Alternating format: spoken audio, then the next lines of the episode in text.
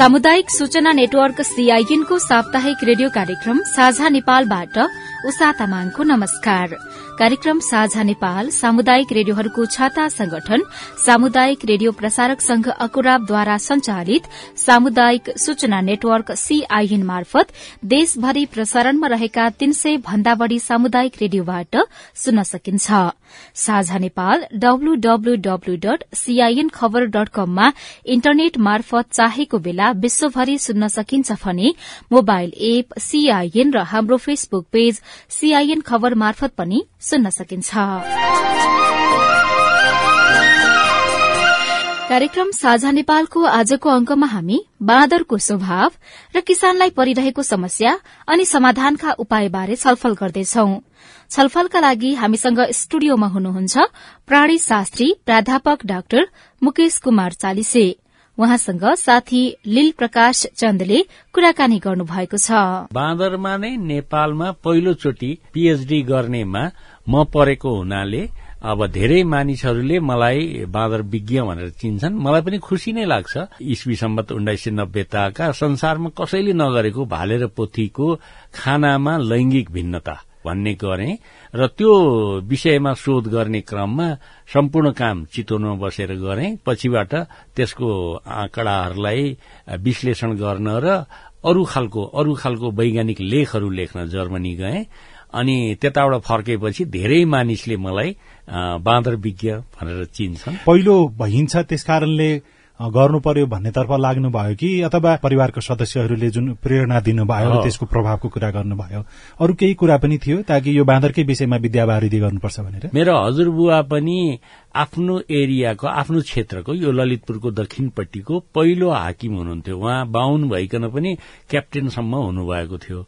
मेरो बुवा चाहिँ नि पहिलो एसएलसी पास गर्ने मान्छे हो दक्षिणतिरको। यो ललितपुरको सहर बजारको होइन गाउँतिरकोमा पहिलो हो। र मेरो फेरि बुवा त्यसपछि पहिलो हाकिम हो। अनि हामीहरूमा के रह्यो भने धेरै गर्न नसकिने जे कुरा नि पहिलो हुने। ल ठिक छ। बोर्ड फर्स्ट आउन नसके पनि काम त पहिलो गरौं। जुनसुकै काम गरे पनि अथवा जुनसुकै विषय अध्ययन गरे पनि पहिलो। पहिलो हुन खोज्ने। त्यसमा दबाव प्रभाव त थिएन नि। थिएन। त्यो एउटा मानसिक अथवा भनौँ पारिवारिक एक किसिमको अब गुण आयो होला। अनि मैले पनि एमएससी पढ्दाखेरि प्राणी शास्त्र रोजेपछि त्यो प्राणी शास्त्रमा एमएससी फर्स्ट डिभिजनमा पास गर्नेमा यो दक्षिणतिरमा म पहिलो थिएँ। तपाईँले अध्ययन जब सुरुवात गर्नुभयो सक्नको लागि समय चाहिँ कति जति लाग्यो? मैले फिल्डमै बसेर जंगलमै रहेको अध्ययन चाहिँ नि अठार सय घण्टा गरे त्यो भनेको करिब सवा वर्ष जति गरे। त्यसपछि म करिब आधा वर्षभन्दा अलिक बढ़ी नै जर्मनी गएर काम गरे। अनि मैले करिब अठाइस महिना तीस महिनामा मेरो पीएचडीको लागि चाहिने अन्तर्राष्ट्रिय मान्यता अनुसार आठ सय घण्टा हुनुपर्नेमा मेरो अठार सय घण्टा भएको हुनाले अन्तर्राष्ट्रिय रूपमा त्यो पीएचडी हुनुभन्दा अगाडि नै पुरस्कार पनि पाएँ मैले। त्यो अन्तर्राष्ट्रिय स्तरकै? हजुर अन्तर्राष्ट्रिय स्तरको। पुरस्कारको नाम चाहिँ के थियो? त्यो कन्जर्भेसन एवार्ड भन्छन् अनि अर्को चाहिँ तुरुन्तै पाएँ मैले मार्था जे ग्यालेन्टे फेलो भन्ने जुन हिजो आज चाहिँ तपाईँ लोकसेवाको सामान्य विज्ञान अथवा सामान्य प्रश्नमा यो आइक्यू जस्तो प्रश्नमा पनि छ। त्यतिखेर नेपालमा अन्तर्राष्ट्रिय स्तरमा संरक्षणमा काम गरेको जनावरमा काम गरिकन वन्यजन्तुमा काम गरिकन पुरस्कार पाउने मान्छे थिएनन्। त्यसले गर्दाखेरि धेरै पत्रिकाहरूले त्यो बेला निकाले पनि एकैचोटि दुई दुईवटा पुरस्कार पाउने नेपाली वैज्ञानिक भनेर पनि निकाले। अब मलाई लाग्छ त्यो मेरो एउटा मेहनतको फल हो र सम्मान हो। अन्तर्राष्ट्रिय रूपले सम्मान गर्यो। त्यसै बापतमा म पाँचै महादेश डुले। पाँचै महादेशका ठूला ठूला विश्वविद्यालयमाहरूमा प्रवचन दिए। त्यसपछि लगत्तै म चाहिँ अमेरिका फुल राइट फेलो भएर प्रोफेसर भएर गएँ। त्यसपछि म चाइना गएँ। अमेरिका कति बस्नुभयो? अमेरिका मेरो फुल राइटको टेन्योर एक वर्ष थियो एक वर्ष बसेँ। त्यसपछि उनीहरूको सिस्टममा के छ भने हरेक वर्ष फेरि बोलाउने। अनि कहिले एक महिना कहिले तीन महिना कहिले दुई महिना अनि म त्यहाँ गएर विद्यार्थीहरूमा अब प्रवचन गर्ने अनुसन्धानका तरिका सिकाउने अनि नेपाल जस्तो पहाड़ी मुलुकमा कसरी अनुसन्धान गर्ने? किनभने विदेशीहरूलाई के अनौठो लाग्दो रहेछ भने पहाड़मा त हिँड्न पनि सकिन्न लडिन्छ। अनि त्यस्तो ठाउँमा अनुसन्धान कसरी गर्ने? भनेर छक्क पर्दा रहेछन्। अहिले पनि तपाईँ आउजाउ गरिराख्नुहुन्छ अमेरिका? प्राय अमेरिका चीन जापान अब धेरै लामो समयसम्म हरेक वर्ष जसो म यसो त्यहाँ चाहिँ भिजिटिङ प्रोफेसर भएर गइरहन्छु। चितवनको जंगलमा पनि मैले बसेर काम गरेँ अध्ययन अनुसन्धानको बेलामा भन्नुभयो। हजुर। त्यतिखेर त्यहाँ कुनै ठाउँमा कोठा भाडामा लिएर त्यहाँ बस्ने हो कि जंगलभित्रै खाने त्यही सुत्ने त्यही उठ्ने? ए होइन। जुगेडी भन्दा तलतिर यो के अरे नारायणघाट पुग्नुभन्दा सात किलोमिटर ओर रामनगर भन्ने ठाउँ छ। अहिले त बजार छ। त्यतिखेर बजार थिएन। दस बाह्रवटा घर थियो। एउटा कुखुरा पाल्ने फारम थियो। एकजना चन्दकै हो क्याप्टेन ललित चन्द भन्नेको। उहाँले कुखुरा नपालेपछि त्यो त्यत्तिकै बसिरहेछ अनि हामीले चाहिँ नि म र केही साथीहरू मिलेर जसले अनुसन्धान गर्ने हो उहाँहरू मिलेर हामीले त्यसलाई भाडामा लियौं। र त्यसलाई मेन्टेनेन्स गरेर अब कुखुरा बस्ने ठाउँलाई मान्छे बस्ने जस्तो बनायौं र जंगलको नजिक थियो।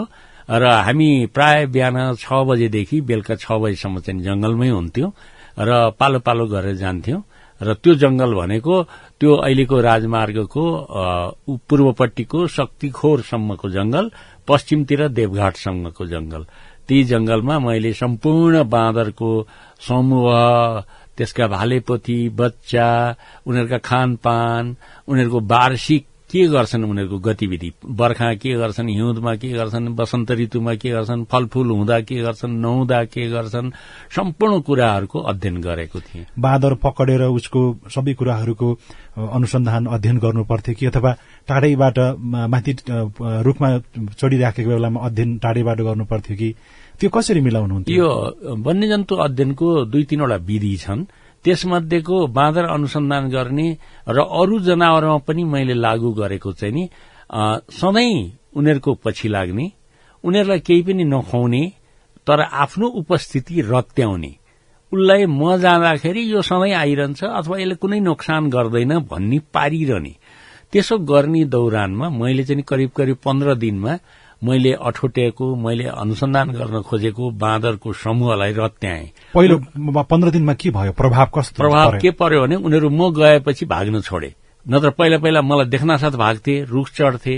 मैले फेरि त्यो अनुसन्धान गरेको बाँदर चाहिँ लङ्गुर बाँदर हो लामो पुच्छर भएको कालो मुख भएको। अनि उनीहरू खुर्र रुख चढिहाल्ने। अनि अब माथि रुखतिर बाइनाकुलरले हेर्दै के गर्दैछ भनेर सबै लेख्नुपर्ने। अनि पन्ध्र दिनपछि त उनीहरू म आएको देखेपछि यसो हेर्ने मुन्टो फर्काएर आफू खानुपर्ने भए खाने सुते भए सुत्ने केही पनि गर्न छोडे। जब त्यसलाई हामी अंग्रेजीमा हेबिचुएसन भन्छौं त्यो भनेको बानी पार्ने बानी पार्ने। त्यो बानी पारेर गर्ने हुनाले र मेरो प्रवि मेरो त्यो खालको अध्ययन विधिमा यो केही कुरा खुवाएर अथवा समातेर गर्ने होइन। अब त्यो चाहिँ नि समात्नु पर्ने भएदेखि त आन्तरिक केही हेर्नु छ भने पेटभित्रको छातीको हेर्नु छ भने अर्कै कुरा भयो। तर मेरो चाहिँ नि विधि त्यो होइन। मैले त खालि हेर्ने मात्रै हो। अनि हेरेको उनीहरूले प्रयोग गरेको चिजलाई नाप नक्सा गर्ने। जस्तो कतिवटा पात खायो त्यो पात अनुसार आफूले पनि टिप्ने जोख्ने हेर्ने। अनि त्यो पातमा के छ? कार्बोहाइड्रेट कति छ? प्रोटिन कति छ? फ्याट कति छ? पानी कति छ? भनेर हेर्ने। त्यो अब कति पात खायो भन्ने कुरा त अब त्यो चौबिसै घण्टा साध्य लाग्छ? त्यसको पछि लागेर त्यस्तो सम्भव भयो? त्यो कसरी सम्भव हुन्छ भने घटीमा उसलाई एक छिमल अर्थात बिहान छ बजेदेखि एक बजेसम्म हेर्छु र त्यो दिन मलाई थकाल आयो भने भोलिपल्ट एक बजेदेखि फेरि छ बजीसम्म हेर्छु। हाम्रोमा के चलन छ भने विज्ञान सम्मत चलन चाहिँ अन्तर्राष्ट्रिय रूपले मान्यता भएको यसरी दुईटा दिन मिलाएर एक दिन भन्न सकिन्छ। त्यसरी मैले हरेक महिना घटीमा बीस दिन बढ़ीमा अठाइस दिनसम्म काम गरेका छु। त्यतिखेर अब चितवन र काठमाडौँ नजिक हुँदाहुँदै पनि मेरो घर पनि म दुई तीन महिनामा मात्रै आउँथे। किनभने त्यो नियमित काम गरिरहने र त्यो काम गरिसकेपछि मैले खानामा गरेको हुनाले उनीहरूले खाएका हरेक चिज मैले त्यो रातो माटो ढुङ्गा चाटेको अब त्यो किराको दिशा खाएको अनि फूल खाएको फल खाएको गाँठा खाएको पातको मुन्टो मात्रै खाएको अथवा सुकेको चाहिँ बिहा खाएको नसुकेको बिहा खाएको कमेरो खाएको अब त्यस्तो सबै चिजलाई नै उसले कति बेर खान्छ? एक त समय नोट गरे समय आंकलन गरे अनि दोस्रोमा उसले खाएर कति लियो होला भन्ने अन्दाज गर्न विभिन्न चिजहरूलाई त्यत्तिकै मात्रामा जम्मा गरेर खाएको भागलाई अलग गर्न कोसिस गरे। यसरी त्यही पातको एकातिरको भाग मसँग भएको हुनाले त्यसरी नै मैले पूरा त्यसको ग्राम पनि निकाले। दिनभरिमा कति खाँदो रहेछ। त्यो हेर्दाखेरि उनीहरूले करिब करिब आधा किलोदेखि एक किलोसम्म झारपात खाँदा रहेछन्।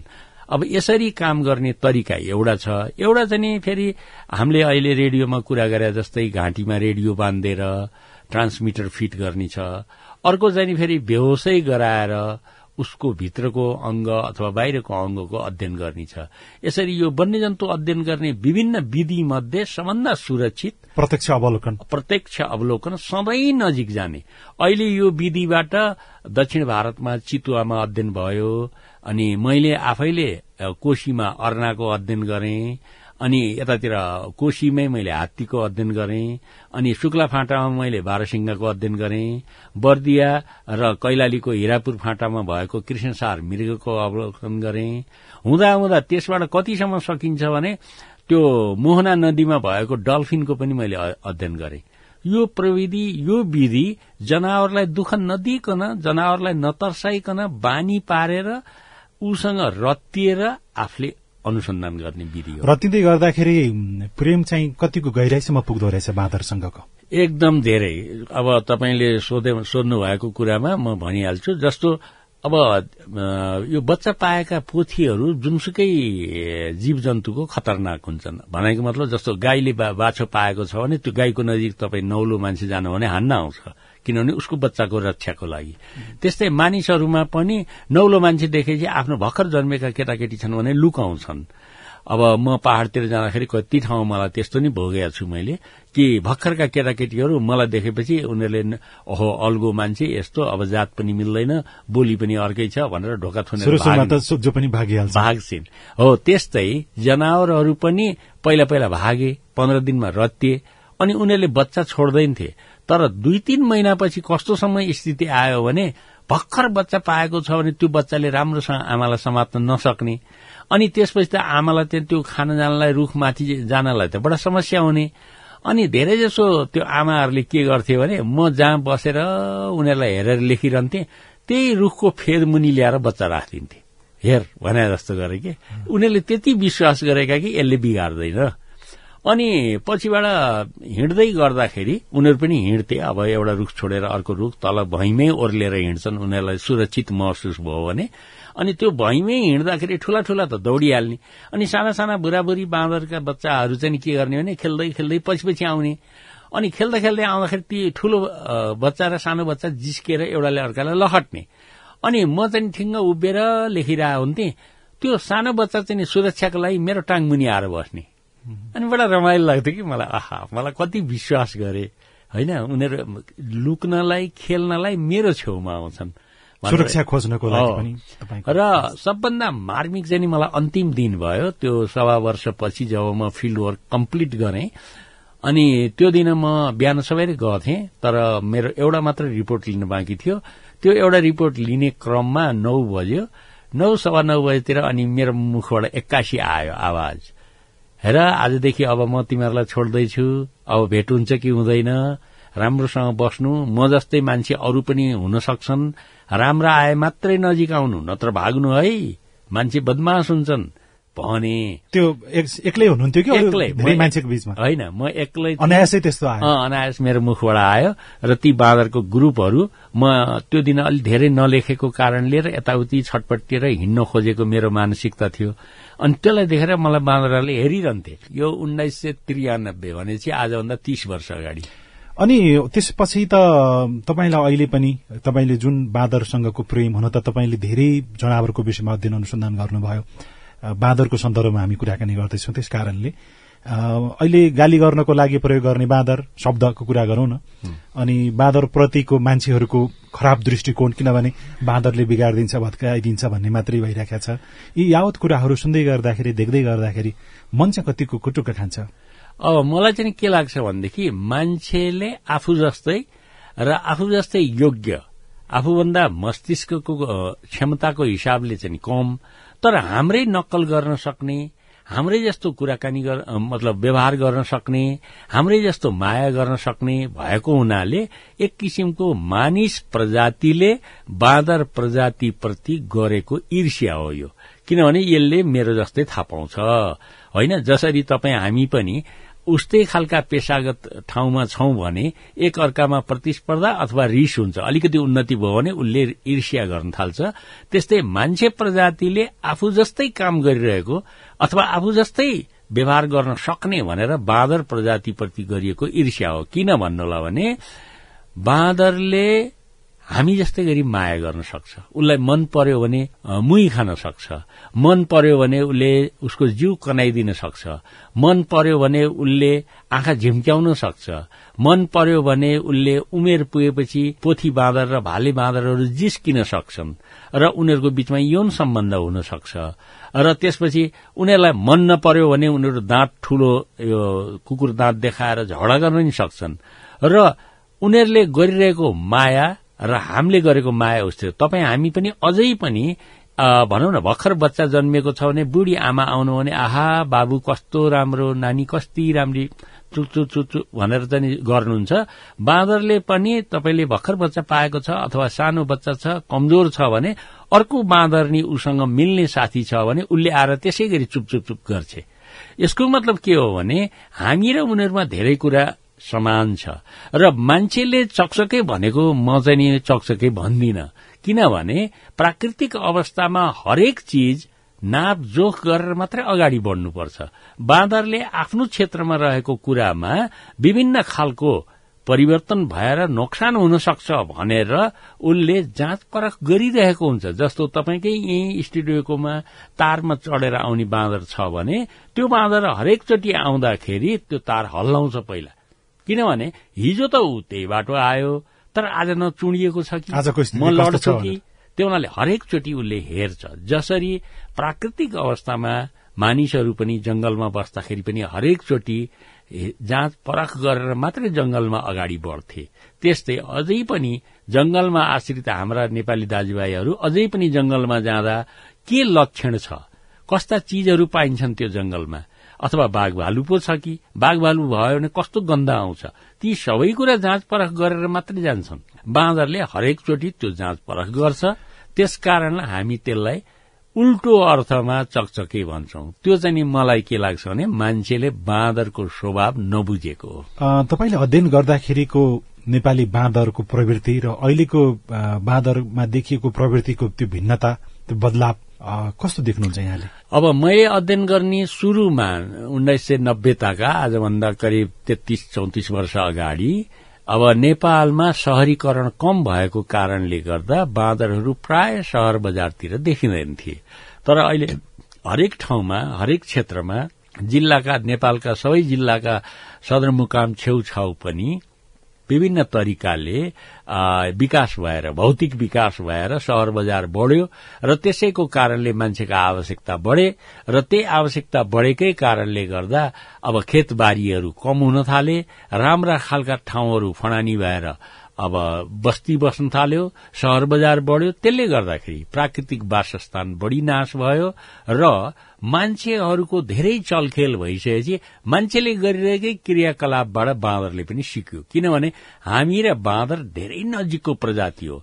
अब त्यसलाई तपाईँलाई सजिलोसँग भन्दाखेरि म कसरी भन्छु भने हातका पाँचवटा औंला जस्ता हुन्। एउटै हातबाट निस्केर आएको तर बुढी औंला अलग्गै छ। हामी मान्छेका प्रजाति अलग्गै विकास भयो अरू बाँदर प्रजाति यसरी अरू औंला जस्ता भएर गए। त्यसकारण हाम्रो एउटै खालको उत्पत्तिको थलो र सीमा भएको हुनाले हाम्रा कुराहरू उनीहरूले धेरै सिक्छन्। त्यो हुनाले नै हामीलाई बाँदरमा गरिएको अनुसन्धानका औषधिहरू बढ़ी फाप्छ। किनभने औषधिको जुन बायोमेडिकल रिसर्चमा पनि बाँदरमा परीक्षण भएको छ भने र उसलाई राम्रो भएको छ भने हामीलाई पनि हुन्छ। अहिलेको अभ्यास पनि राष्ट्रिय अन्तर्राष्ट्रिय पनि त्यही छ। बाँदरमाथि कुनै प्रयोग गरेपछि त्यसलाई पुष्टि गर्ने पुष्टि गर्ने। अब त्यसको पछाडि कारण के छ भन्नुहोला भने हामीलाई हुने रोग र बाँदरलाई हुने रोग उही हुन्छ।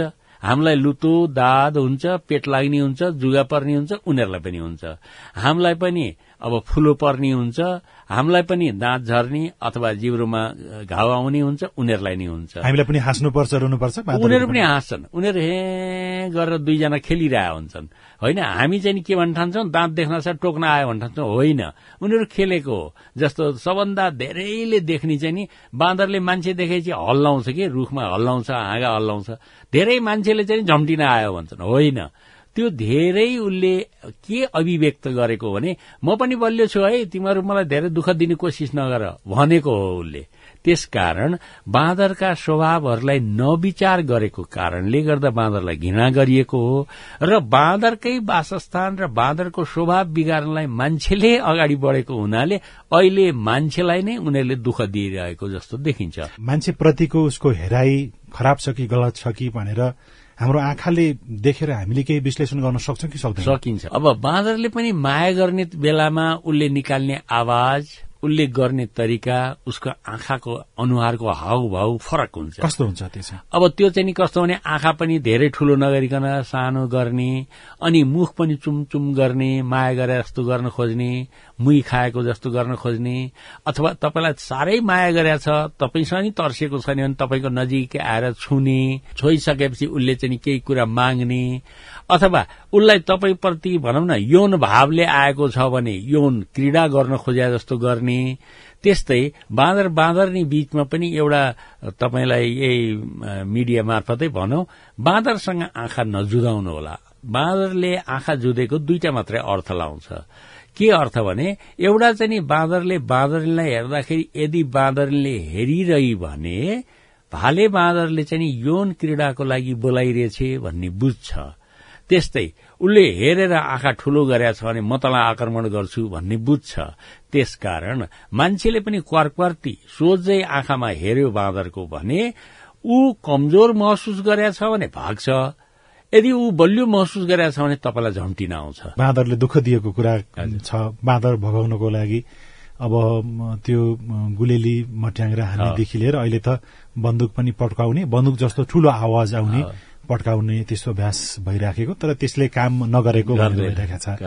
यसको अन्तर्राष्ट्रिय एउटा मान्यता सिद्धान्त नै बाँदरलाई नियन्त्रण गर्न सकिँदैन बाँदरसँग भिडेर सकिँदैन भन्ने हो कि अथवा कहाँनिर के कुरा मिलिरहेका छैन? मान्छेले लगाइरहेको खेत बाली अन्न बालीहरू मकै होइन बदम अथवा जेसुकै खाद्यान्न हुन् ती खाद्यान्न त उसलाई बनिरहेको अवस्थामा रेडिमेड भयो नि त त्यसले गर्दा उनीहरू आउन थाले नत्र यिनीहरू पहिला पहिला आउँदैनथे। अब यसको उपचार चाहिँ के हो त हामीले गरेको प्रयास त्यो किन विफल भइराखेको छ हो किनभनेदेखि यसमा नीतिगत पनि त्यति राम्रो वैज्ञानिक आधारहरू निकालिएको छैन। अर्को चाहिँ नि के छ भने नियन्त्रण गर्ने अथवा यसलाई चाहिँ कसरी कम नोक्सानी गराउने भन्ने आधारमा कसैले अध्ययन नै गर्दैन। त्यस्तै एकचोटि बाँदर पसिसकेपछि त्यो बाँदर हजारौं छ भन्नेहरू त जहाँसुकै पाइन्छन्। म बैतडी गएँ होइन पोखरा गएँ धरान गएँ मेलम्ची गएँ अब कास्कीतिर पनि हेरेँ। सबैतिर बाँदरका जहाँ जहाँ समस्या छन् त्यहाँ हेर्न जाँदाखेरि उहाँहरूको पहिलो आँकडा चाहिँ नि दुई हजार तीन हजार छ भन्नुभयो। मैले गन्दाखेरि बढीमा तीन सय चार सय छ। भनाइको मतलब पहिलो त एकिन आँकडा चाहियो जसले गर्दा व्यवस्थापन गर्न सजिलो होस्। दोस्रो उसले गर्ने गल्ती खासै के हो त? कि वर्षभरिमा एकचोटि दुःख दिँदाखेरि वर्षभरि गीत गाइरहने हो? वर्षभरि नै हामीले मान्छेले भनिरहने बाँदर भने बदमास। किन भन्दा मेरो भदौमा मकै खाइदिएको थियो। अब भदौमा एक महिना मकै खाएको हुनाले एघार महिनासम्म सरापिरहनु पर्ने त होइन। तर समस्या कहाँनिर छ भने यस्तो कुराको पनि लिखत राखेर सबै अनुसन्धान गरेर त्यहाँबाट हटाउन मिल्छ कि अथवा घटाउन मिल्छ? त्यसलाई त्यहाँबाट टोटल्ली होइन सम्पूर्णलाई अन्त्य लहर राख्न मिल्छ कि? अथवा त्यसलाई केही बदमाशहरूलाई मात्रै निषेध गर्ने अथवा कहीँ चिडियाखानामा जम्मा गरिदिने अथवा कहीँ चिडियाखाना बनाउने? किनभने अहिले त ठाउँ ठाउँमा मिनी जूको धारणा आइरहेछ। धेरै ठूल्ठूला सहरका नजिक दुई चारवटा दस बीसवटा बाँदर पालेर चिडियाखाना जस्तो बनाए पनि हुन्छ। यदि बाँदरलाई बाँदरको समूहलाई समातेर कतै लगाएर राखियो भने त्यहाँ त्यो फेरि दोहोरिएर पहिले पुरानो ठाउँमा जाँदैन? नजिक छ भने जान्छ तर समस्या फेरि अर्को के छ भने तपाईँलाई पाटनमा दुःख दियो भनेर काठमाडौँ लगेर छोड्नु भयो भने त दुःख त सार्नुभयो नि। त्यहाँका मान्छेले फेरि दुःख पाउँछन्। त्यसकारण यसको लागि वासस्थान राम्रो सुरक्षित बनाउनु उनीहरूलाई खानपिन डुल फिर उनीहरूको दैनिक जीवन यापन गर्नको लागि सहज बनाइदिनु र कहिलेकाहीँ मान्छेको संगतले साह्रै बिग्रेका छन् दुष्ट खालका बाँदरहरू छन् बदमाश छन् रोगी छन् भने तिनीहरूलाई निषेध पनि गरिदिनुपर्छ तिनीहरूलाई हटाइदिनु पनि पर्छ। अनि यो सँगसँगै अब बाँदरको बारेमा नीति नियम बनाउने र व्यवस्थापनको पाटो त्यो सरकारले समयमै गरेन अथवा। अहिले भरे गरेन भोलि गरेन भने पनि किसानले त बाँदरबाट पनि बस्नुपर्नेछ। तत्कालको अवस्थामा किसानहरूले के कुरामा ध्यान दिए भने बाँदरका कारणले हुने क्षति कम गर्न सकिन्छ अब पहिलो कुरा त हिजोको जस्तो जनसंख्या बढेर जंगलका किनारसम्म खेतीपाती हुन्थ्यो र जंगलको किनारमा नोक्सानी भएको मान्छेले त्यति वास्ता गर्दैन थिए अहिले त के भयो भने पैसा कमाउने नाममा सबै युवा जनशक्ति सबै देश बाहिर अथवा देशभित्र ठूल्ठूला बजारमा सीमित भए त्यसले गर्दा खेतबारी अब कम भयो बाँझियो अब हिजो जंगलको किनारसम्म आएर त्यो फलफूल अथवा खाद्यान्न लगाएको बानी परेका बाँदरहरू त्यही खोज्दै खोज्दै खोज्दै घर गाउँमा आए। अब अहिले संचारले गर्दा के भइदियो भने हात हातमा मोबाइल। अब एकचोटि भनौँ न अब रोल्पामा बाँदरले दुःख दियो भने तपाईँलाई फोन गरेर लौ न हाम्रो गाउँमा त बाँदरले दुःख दियो। दार्चुलामा बिगार्यो भने नि फोन गर्यो। ल है यहाँ हामीलाई बाँदरले दुःख दिएको छ हाम्रो चाहिँ नि पत्रकार साथीलाई भनिदिनुहोस्। भन्यो। अब त्यो एकैचोटि देशव्यापी रूपमा भयो। अहिले त अब टिकटक सामाजिक सञ्जालको सबैतिर आयो। त्यसले गर्दा यो भएको नोक्सानी भन्दा बढ़ी प्रचार भयो र यो मौसमी स्तरको भयो के? धेरै जसो बाँदरले दुःख दिएको हल्ला आउने भनेको बर्खा महिना सिद्धिनी ताका साउन भदौ असोज। खुब बाँदरले दुःख दिएको देखिन्छ। किनभने नेपालमा मकै बाली धेरै हुन्छ। अनि मकै बाली धेरै हुने ठाउँमा पहाड़ी क्षेत्रबाट जहाँसुकै हुने हुनाले त्यो मान्छेमा भर पर्न थाले त यिनीहरूले फलफूल पनि गर्न थाले। जस्तो अहिले पोखरामा सुन्तला कागती पनि खाइदिन थाले। होइन? अब यसरी पहिलो कुरा उनीहरूको वासस्थानलाई सुरक्षित बनाऊ। उही वासस्थानमै बस्न सक्ने बनाऊ। दोस्रो कुरा उनीहरूको मध्येबाट केही बदमाशहरू र साह्रै दुष्ट खालका बाँदर छन् भने त्यसलाई निषेध गरौं र केही गरी हटाउनै पर्ने भयो भने उपयुक्त वासस्थान पहिला पहिचान गरौं अनि मात्रै लएर छोडौं। नत्र रोग सारे जस्तो हुन्छ दुःख सारेको जस्तो हुन्छ। त्यो अब यदि सार्नु पर्यो भने चाहिँ कसरी सम्भव छ फेरि? सबै तीन सय दुई तीन सय बाँदरलाई एकैपटक छोपेर लैजान सकिन्छ? सकिँदैन। त्यसको लागि के गर्नुपर्छ भने मैले चाहिँ नि के सल्लाह दिन सक्छु भने पहिलो त आँकडा नै यकिन राखौं कति हो होइन साँच्ची नै कति छन् दुःख दिने? अनि दोस्रो त्यसमध्येका दुष्टलाई हटाउनु पर्ने हो भने हटाउने चाहिँ कसरी हो? यो चाहिँ दुष्ट हो यो अलि बदमास छ। त्यो त गएर अध्ययन गर्नुपर्छ सकिन्छ। जसरी हामी बाटोमा हिँड्दाखेरि तपाईँ भलादी मान्छेले हाँकेको मोटरसाइकल र बदमासले हाँकेको थाहा पाउनु न अथवा तपाईँ ट्याक्सीमा चढेर हिँड्नुभयो भने भलादमी खालको ड्राइभर छन् र बदमास खालको छन् भने उसँग कारोबार गर्दैखेरि थाहा हुन्छ बस्दैखेरि थाहा हुन्छ नि। हामीले ध्यान दिनु पर्यो कि? बाँदरहरूलाई सम्झाइ बुझाइ गर्यो भने चाहिँ उनीहरूले बुझ्दैनन् यो नखाइदिनु अथवा यता नआउनु त्यस्तो। क्षति नगर्नु उनीहरूलाई त्यो गर्ने भनेको अर्को तरिका छ। त्यो भनेको बालीको अन्तर बाली रोपण गर्ने। जस्तो सधैँ मकै रोप्ने ठाउँमा तपाईँ अलैँची लाउनुहोस्। सधैँ सुन्तला लाउने ठाउँमा तपाईँ सुन्तला खाइदिन थाल्यो दुःख भयो र उसले खाएर नष्ट गरेको धेरै नै भयो भने तपाईँ मेवा लाउन थाल्नुहोस्। उसले नदेखेको नखाएको चिज लाउन थाल्नुहोस्। जसले गर्दा तपाईँले दुई तीन वर्ष दुई तीन वर्षमा बाली परिवर्तन गरिरहनु पर्ने हुन्छ। र त्यसको लागि सरकारले पनि सम्बन्धित ठाउँमा राम्रो किनबेच गर्ने होइन बजार बजारीकरण गरिदिने हुनु पर्यो अनि सहर बजारमा बस्यो फलान ठाउँमा दुःख दियो भन्यो अथवा सहर बजारमा बस्यो बिचरा किसानहरूले उहाँ खान नपाएर हिजो मात्रै मैले सुन्दै थिएँ भोजपुरकी कतातिर चाहिँ नि बसाइ नै सरे भनेर। अब बसाइ सर्ने स्थिति आइरहेछ। अनि सहर बजारमा बसेर हामी संरक्षणको भजन गाउँछौं। के को संरक्षण?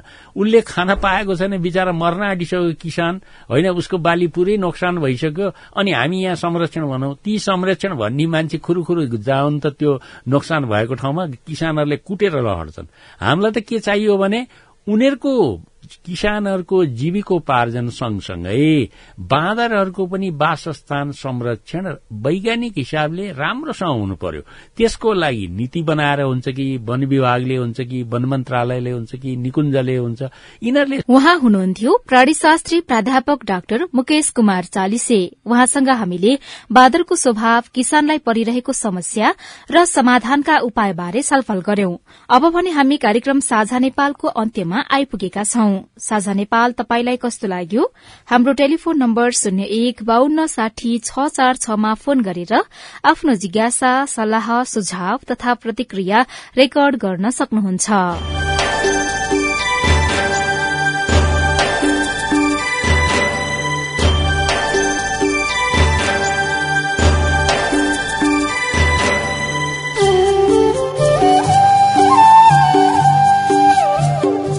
हवस् त आउँदो साता आजकै समयमा फेरि रेडियो कार्यक्रम साझा नेपाल लिएर उपस्थित हुनेछौ। त्यतिन्जेलसम्मका लागि प्राविधिक साथी सुभाष पन्तलाई धन्यवाद दिँदै उषा तामाङ विदा हुन्छु। आउँदो साताको साझा नेपालमा फेरि भेटौंला। नमस्कार।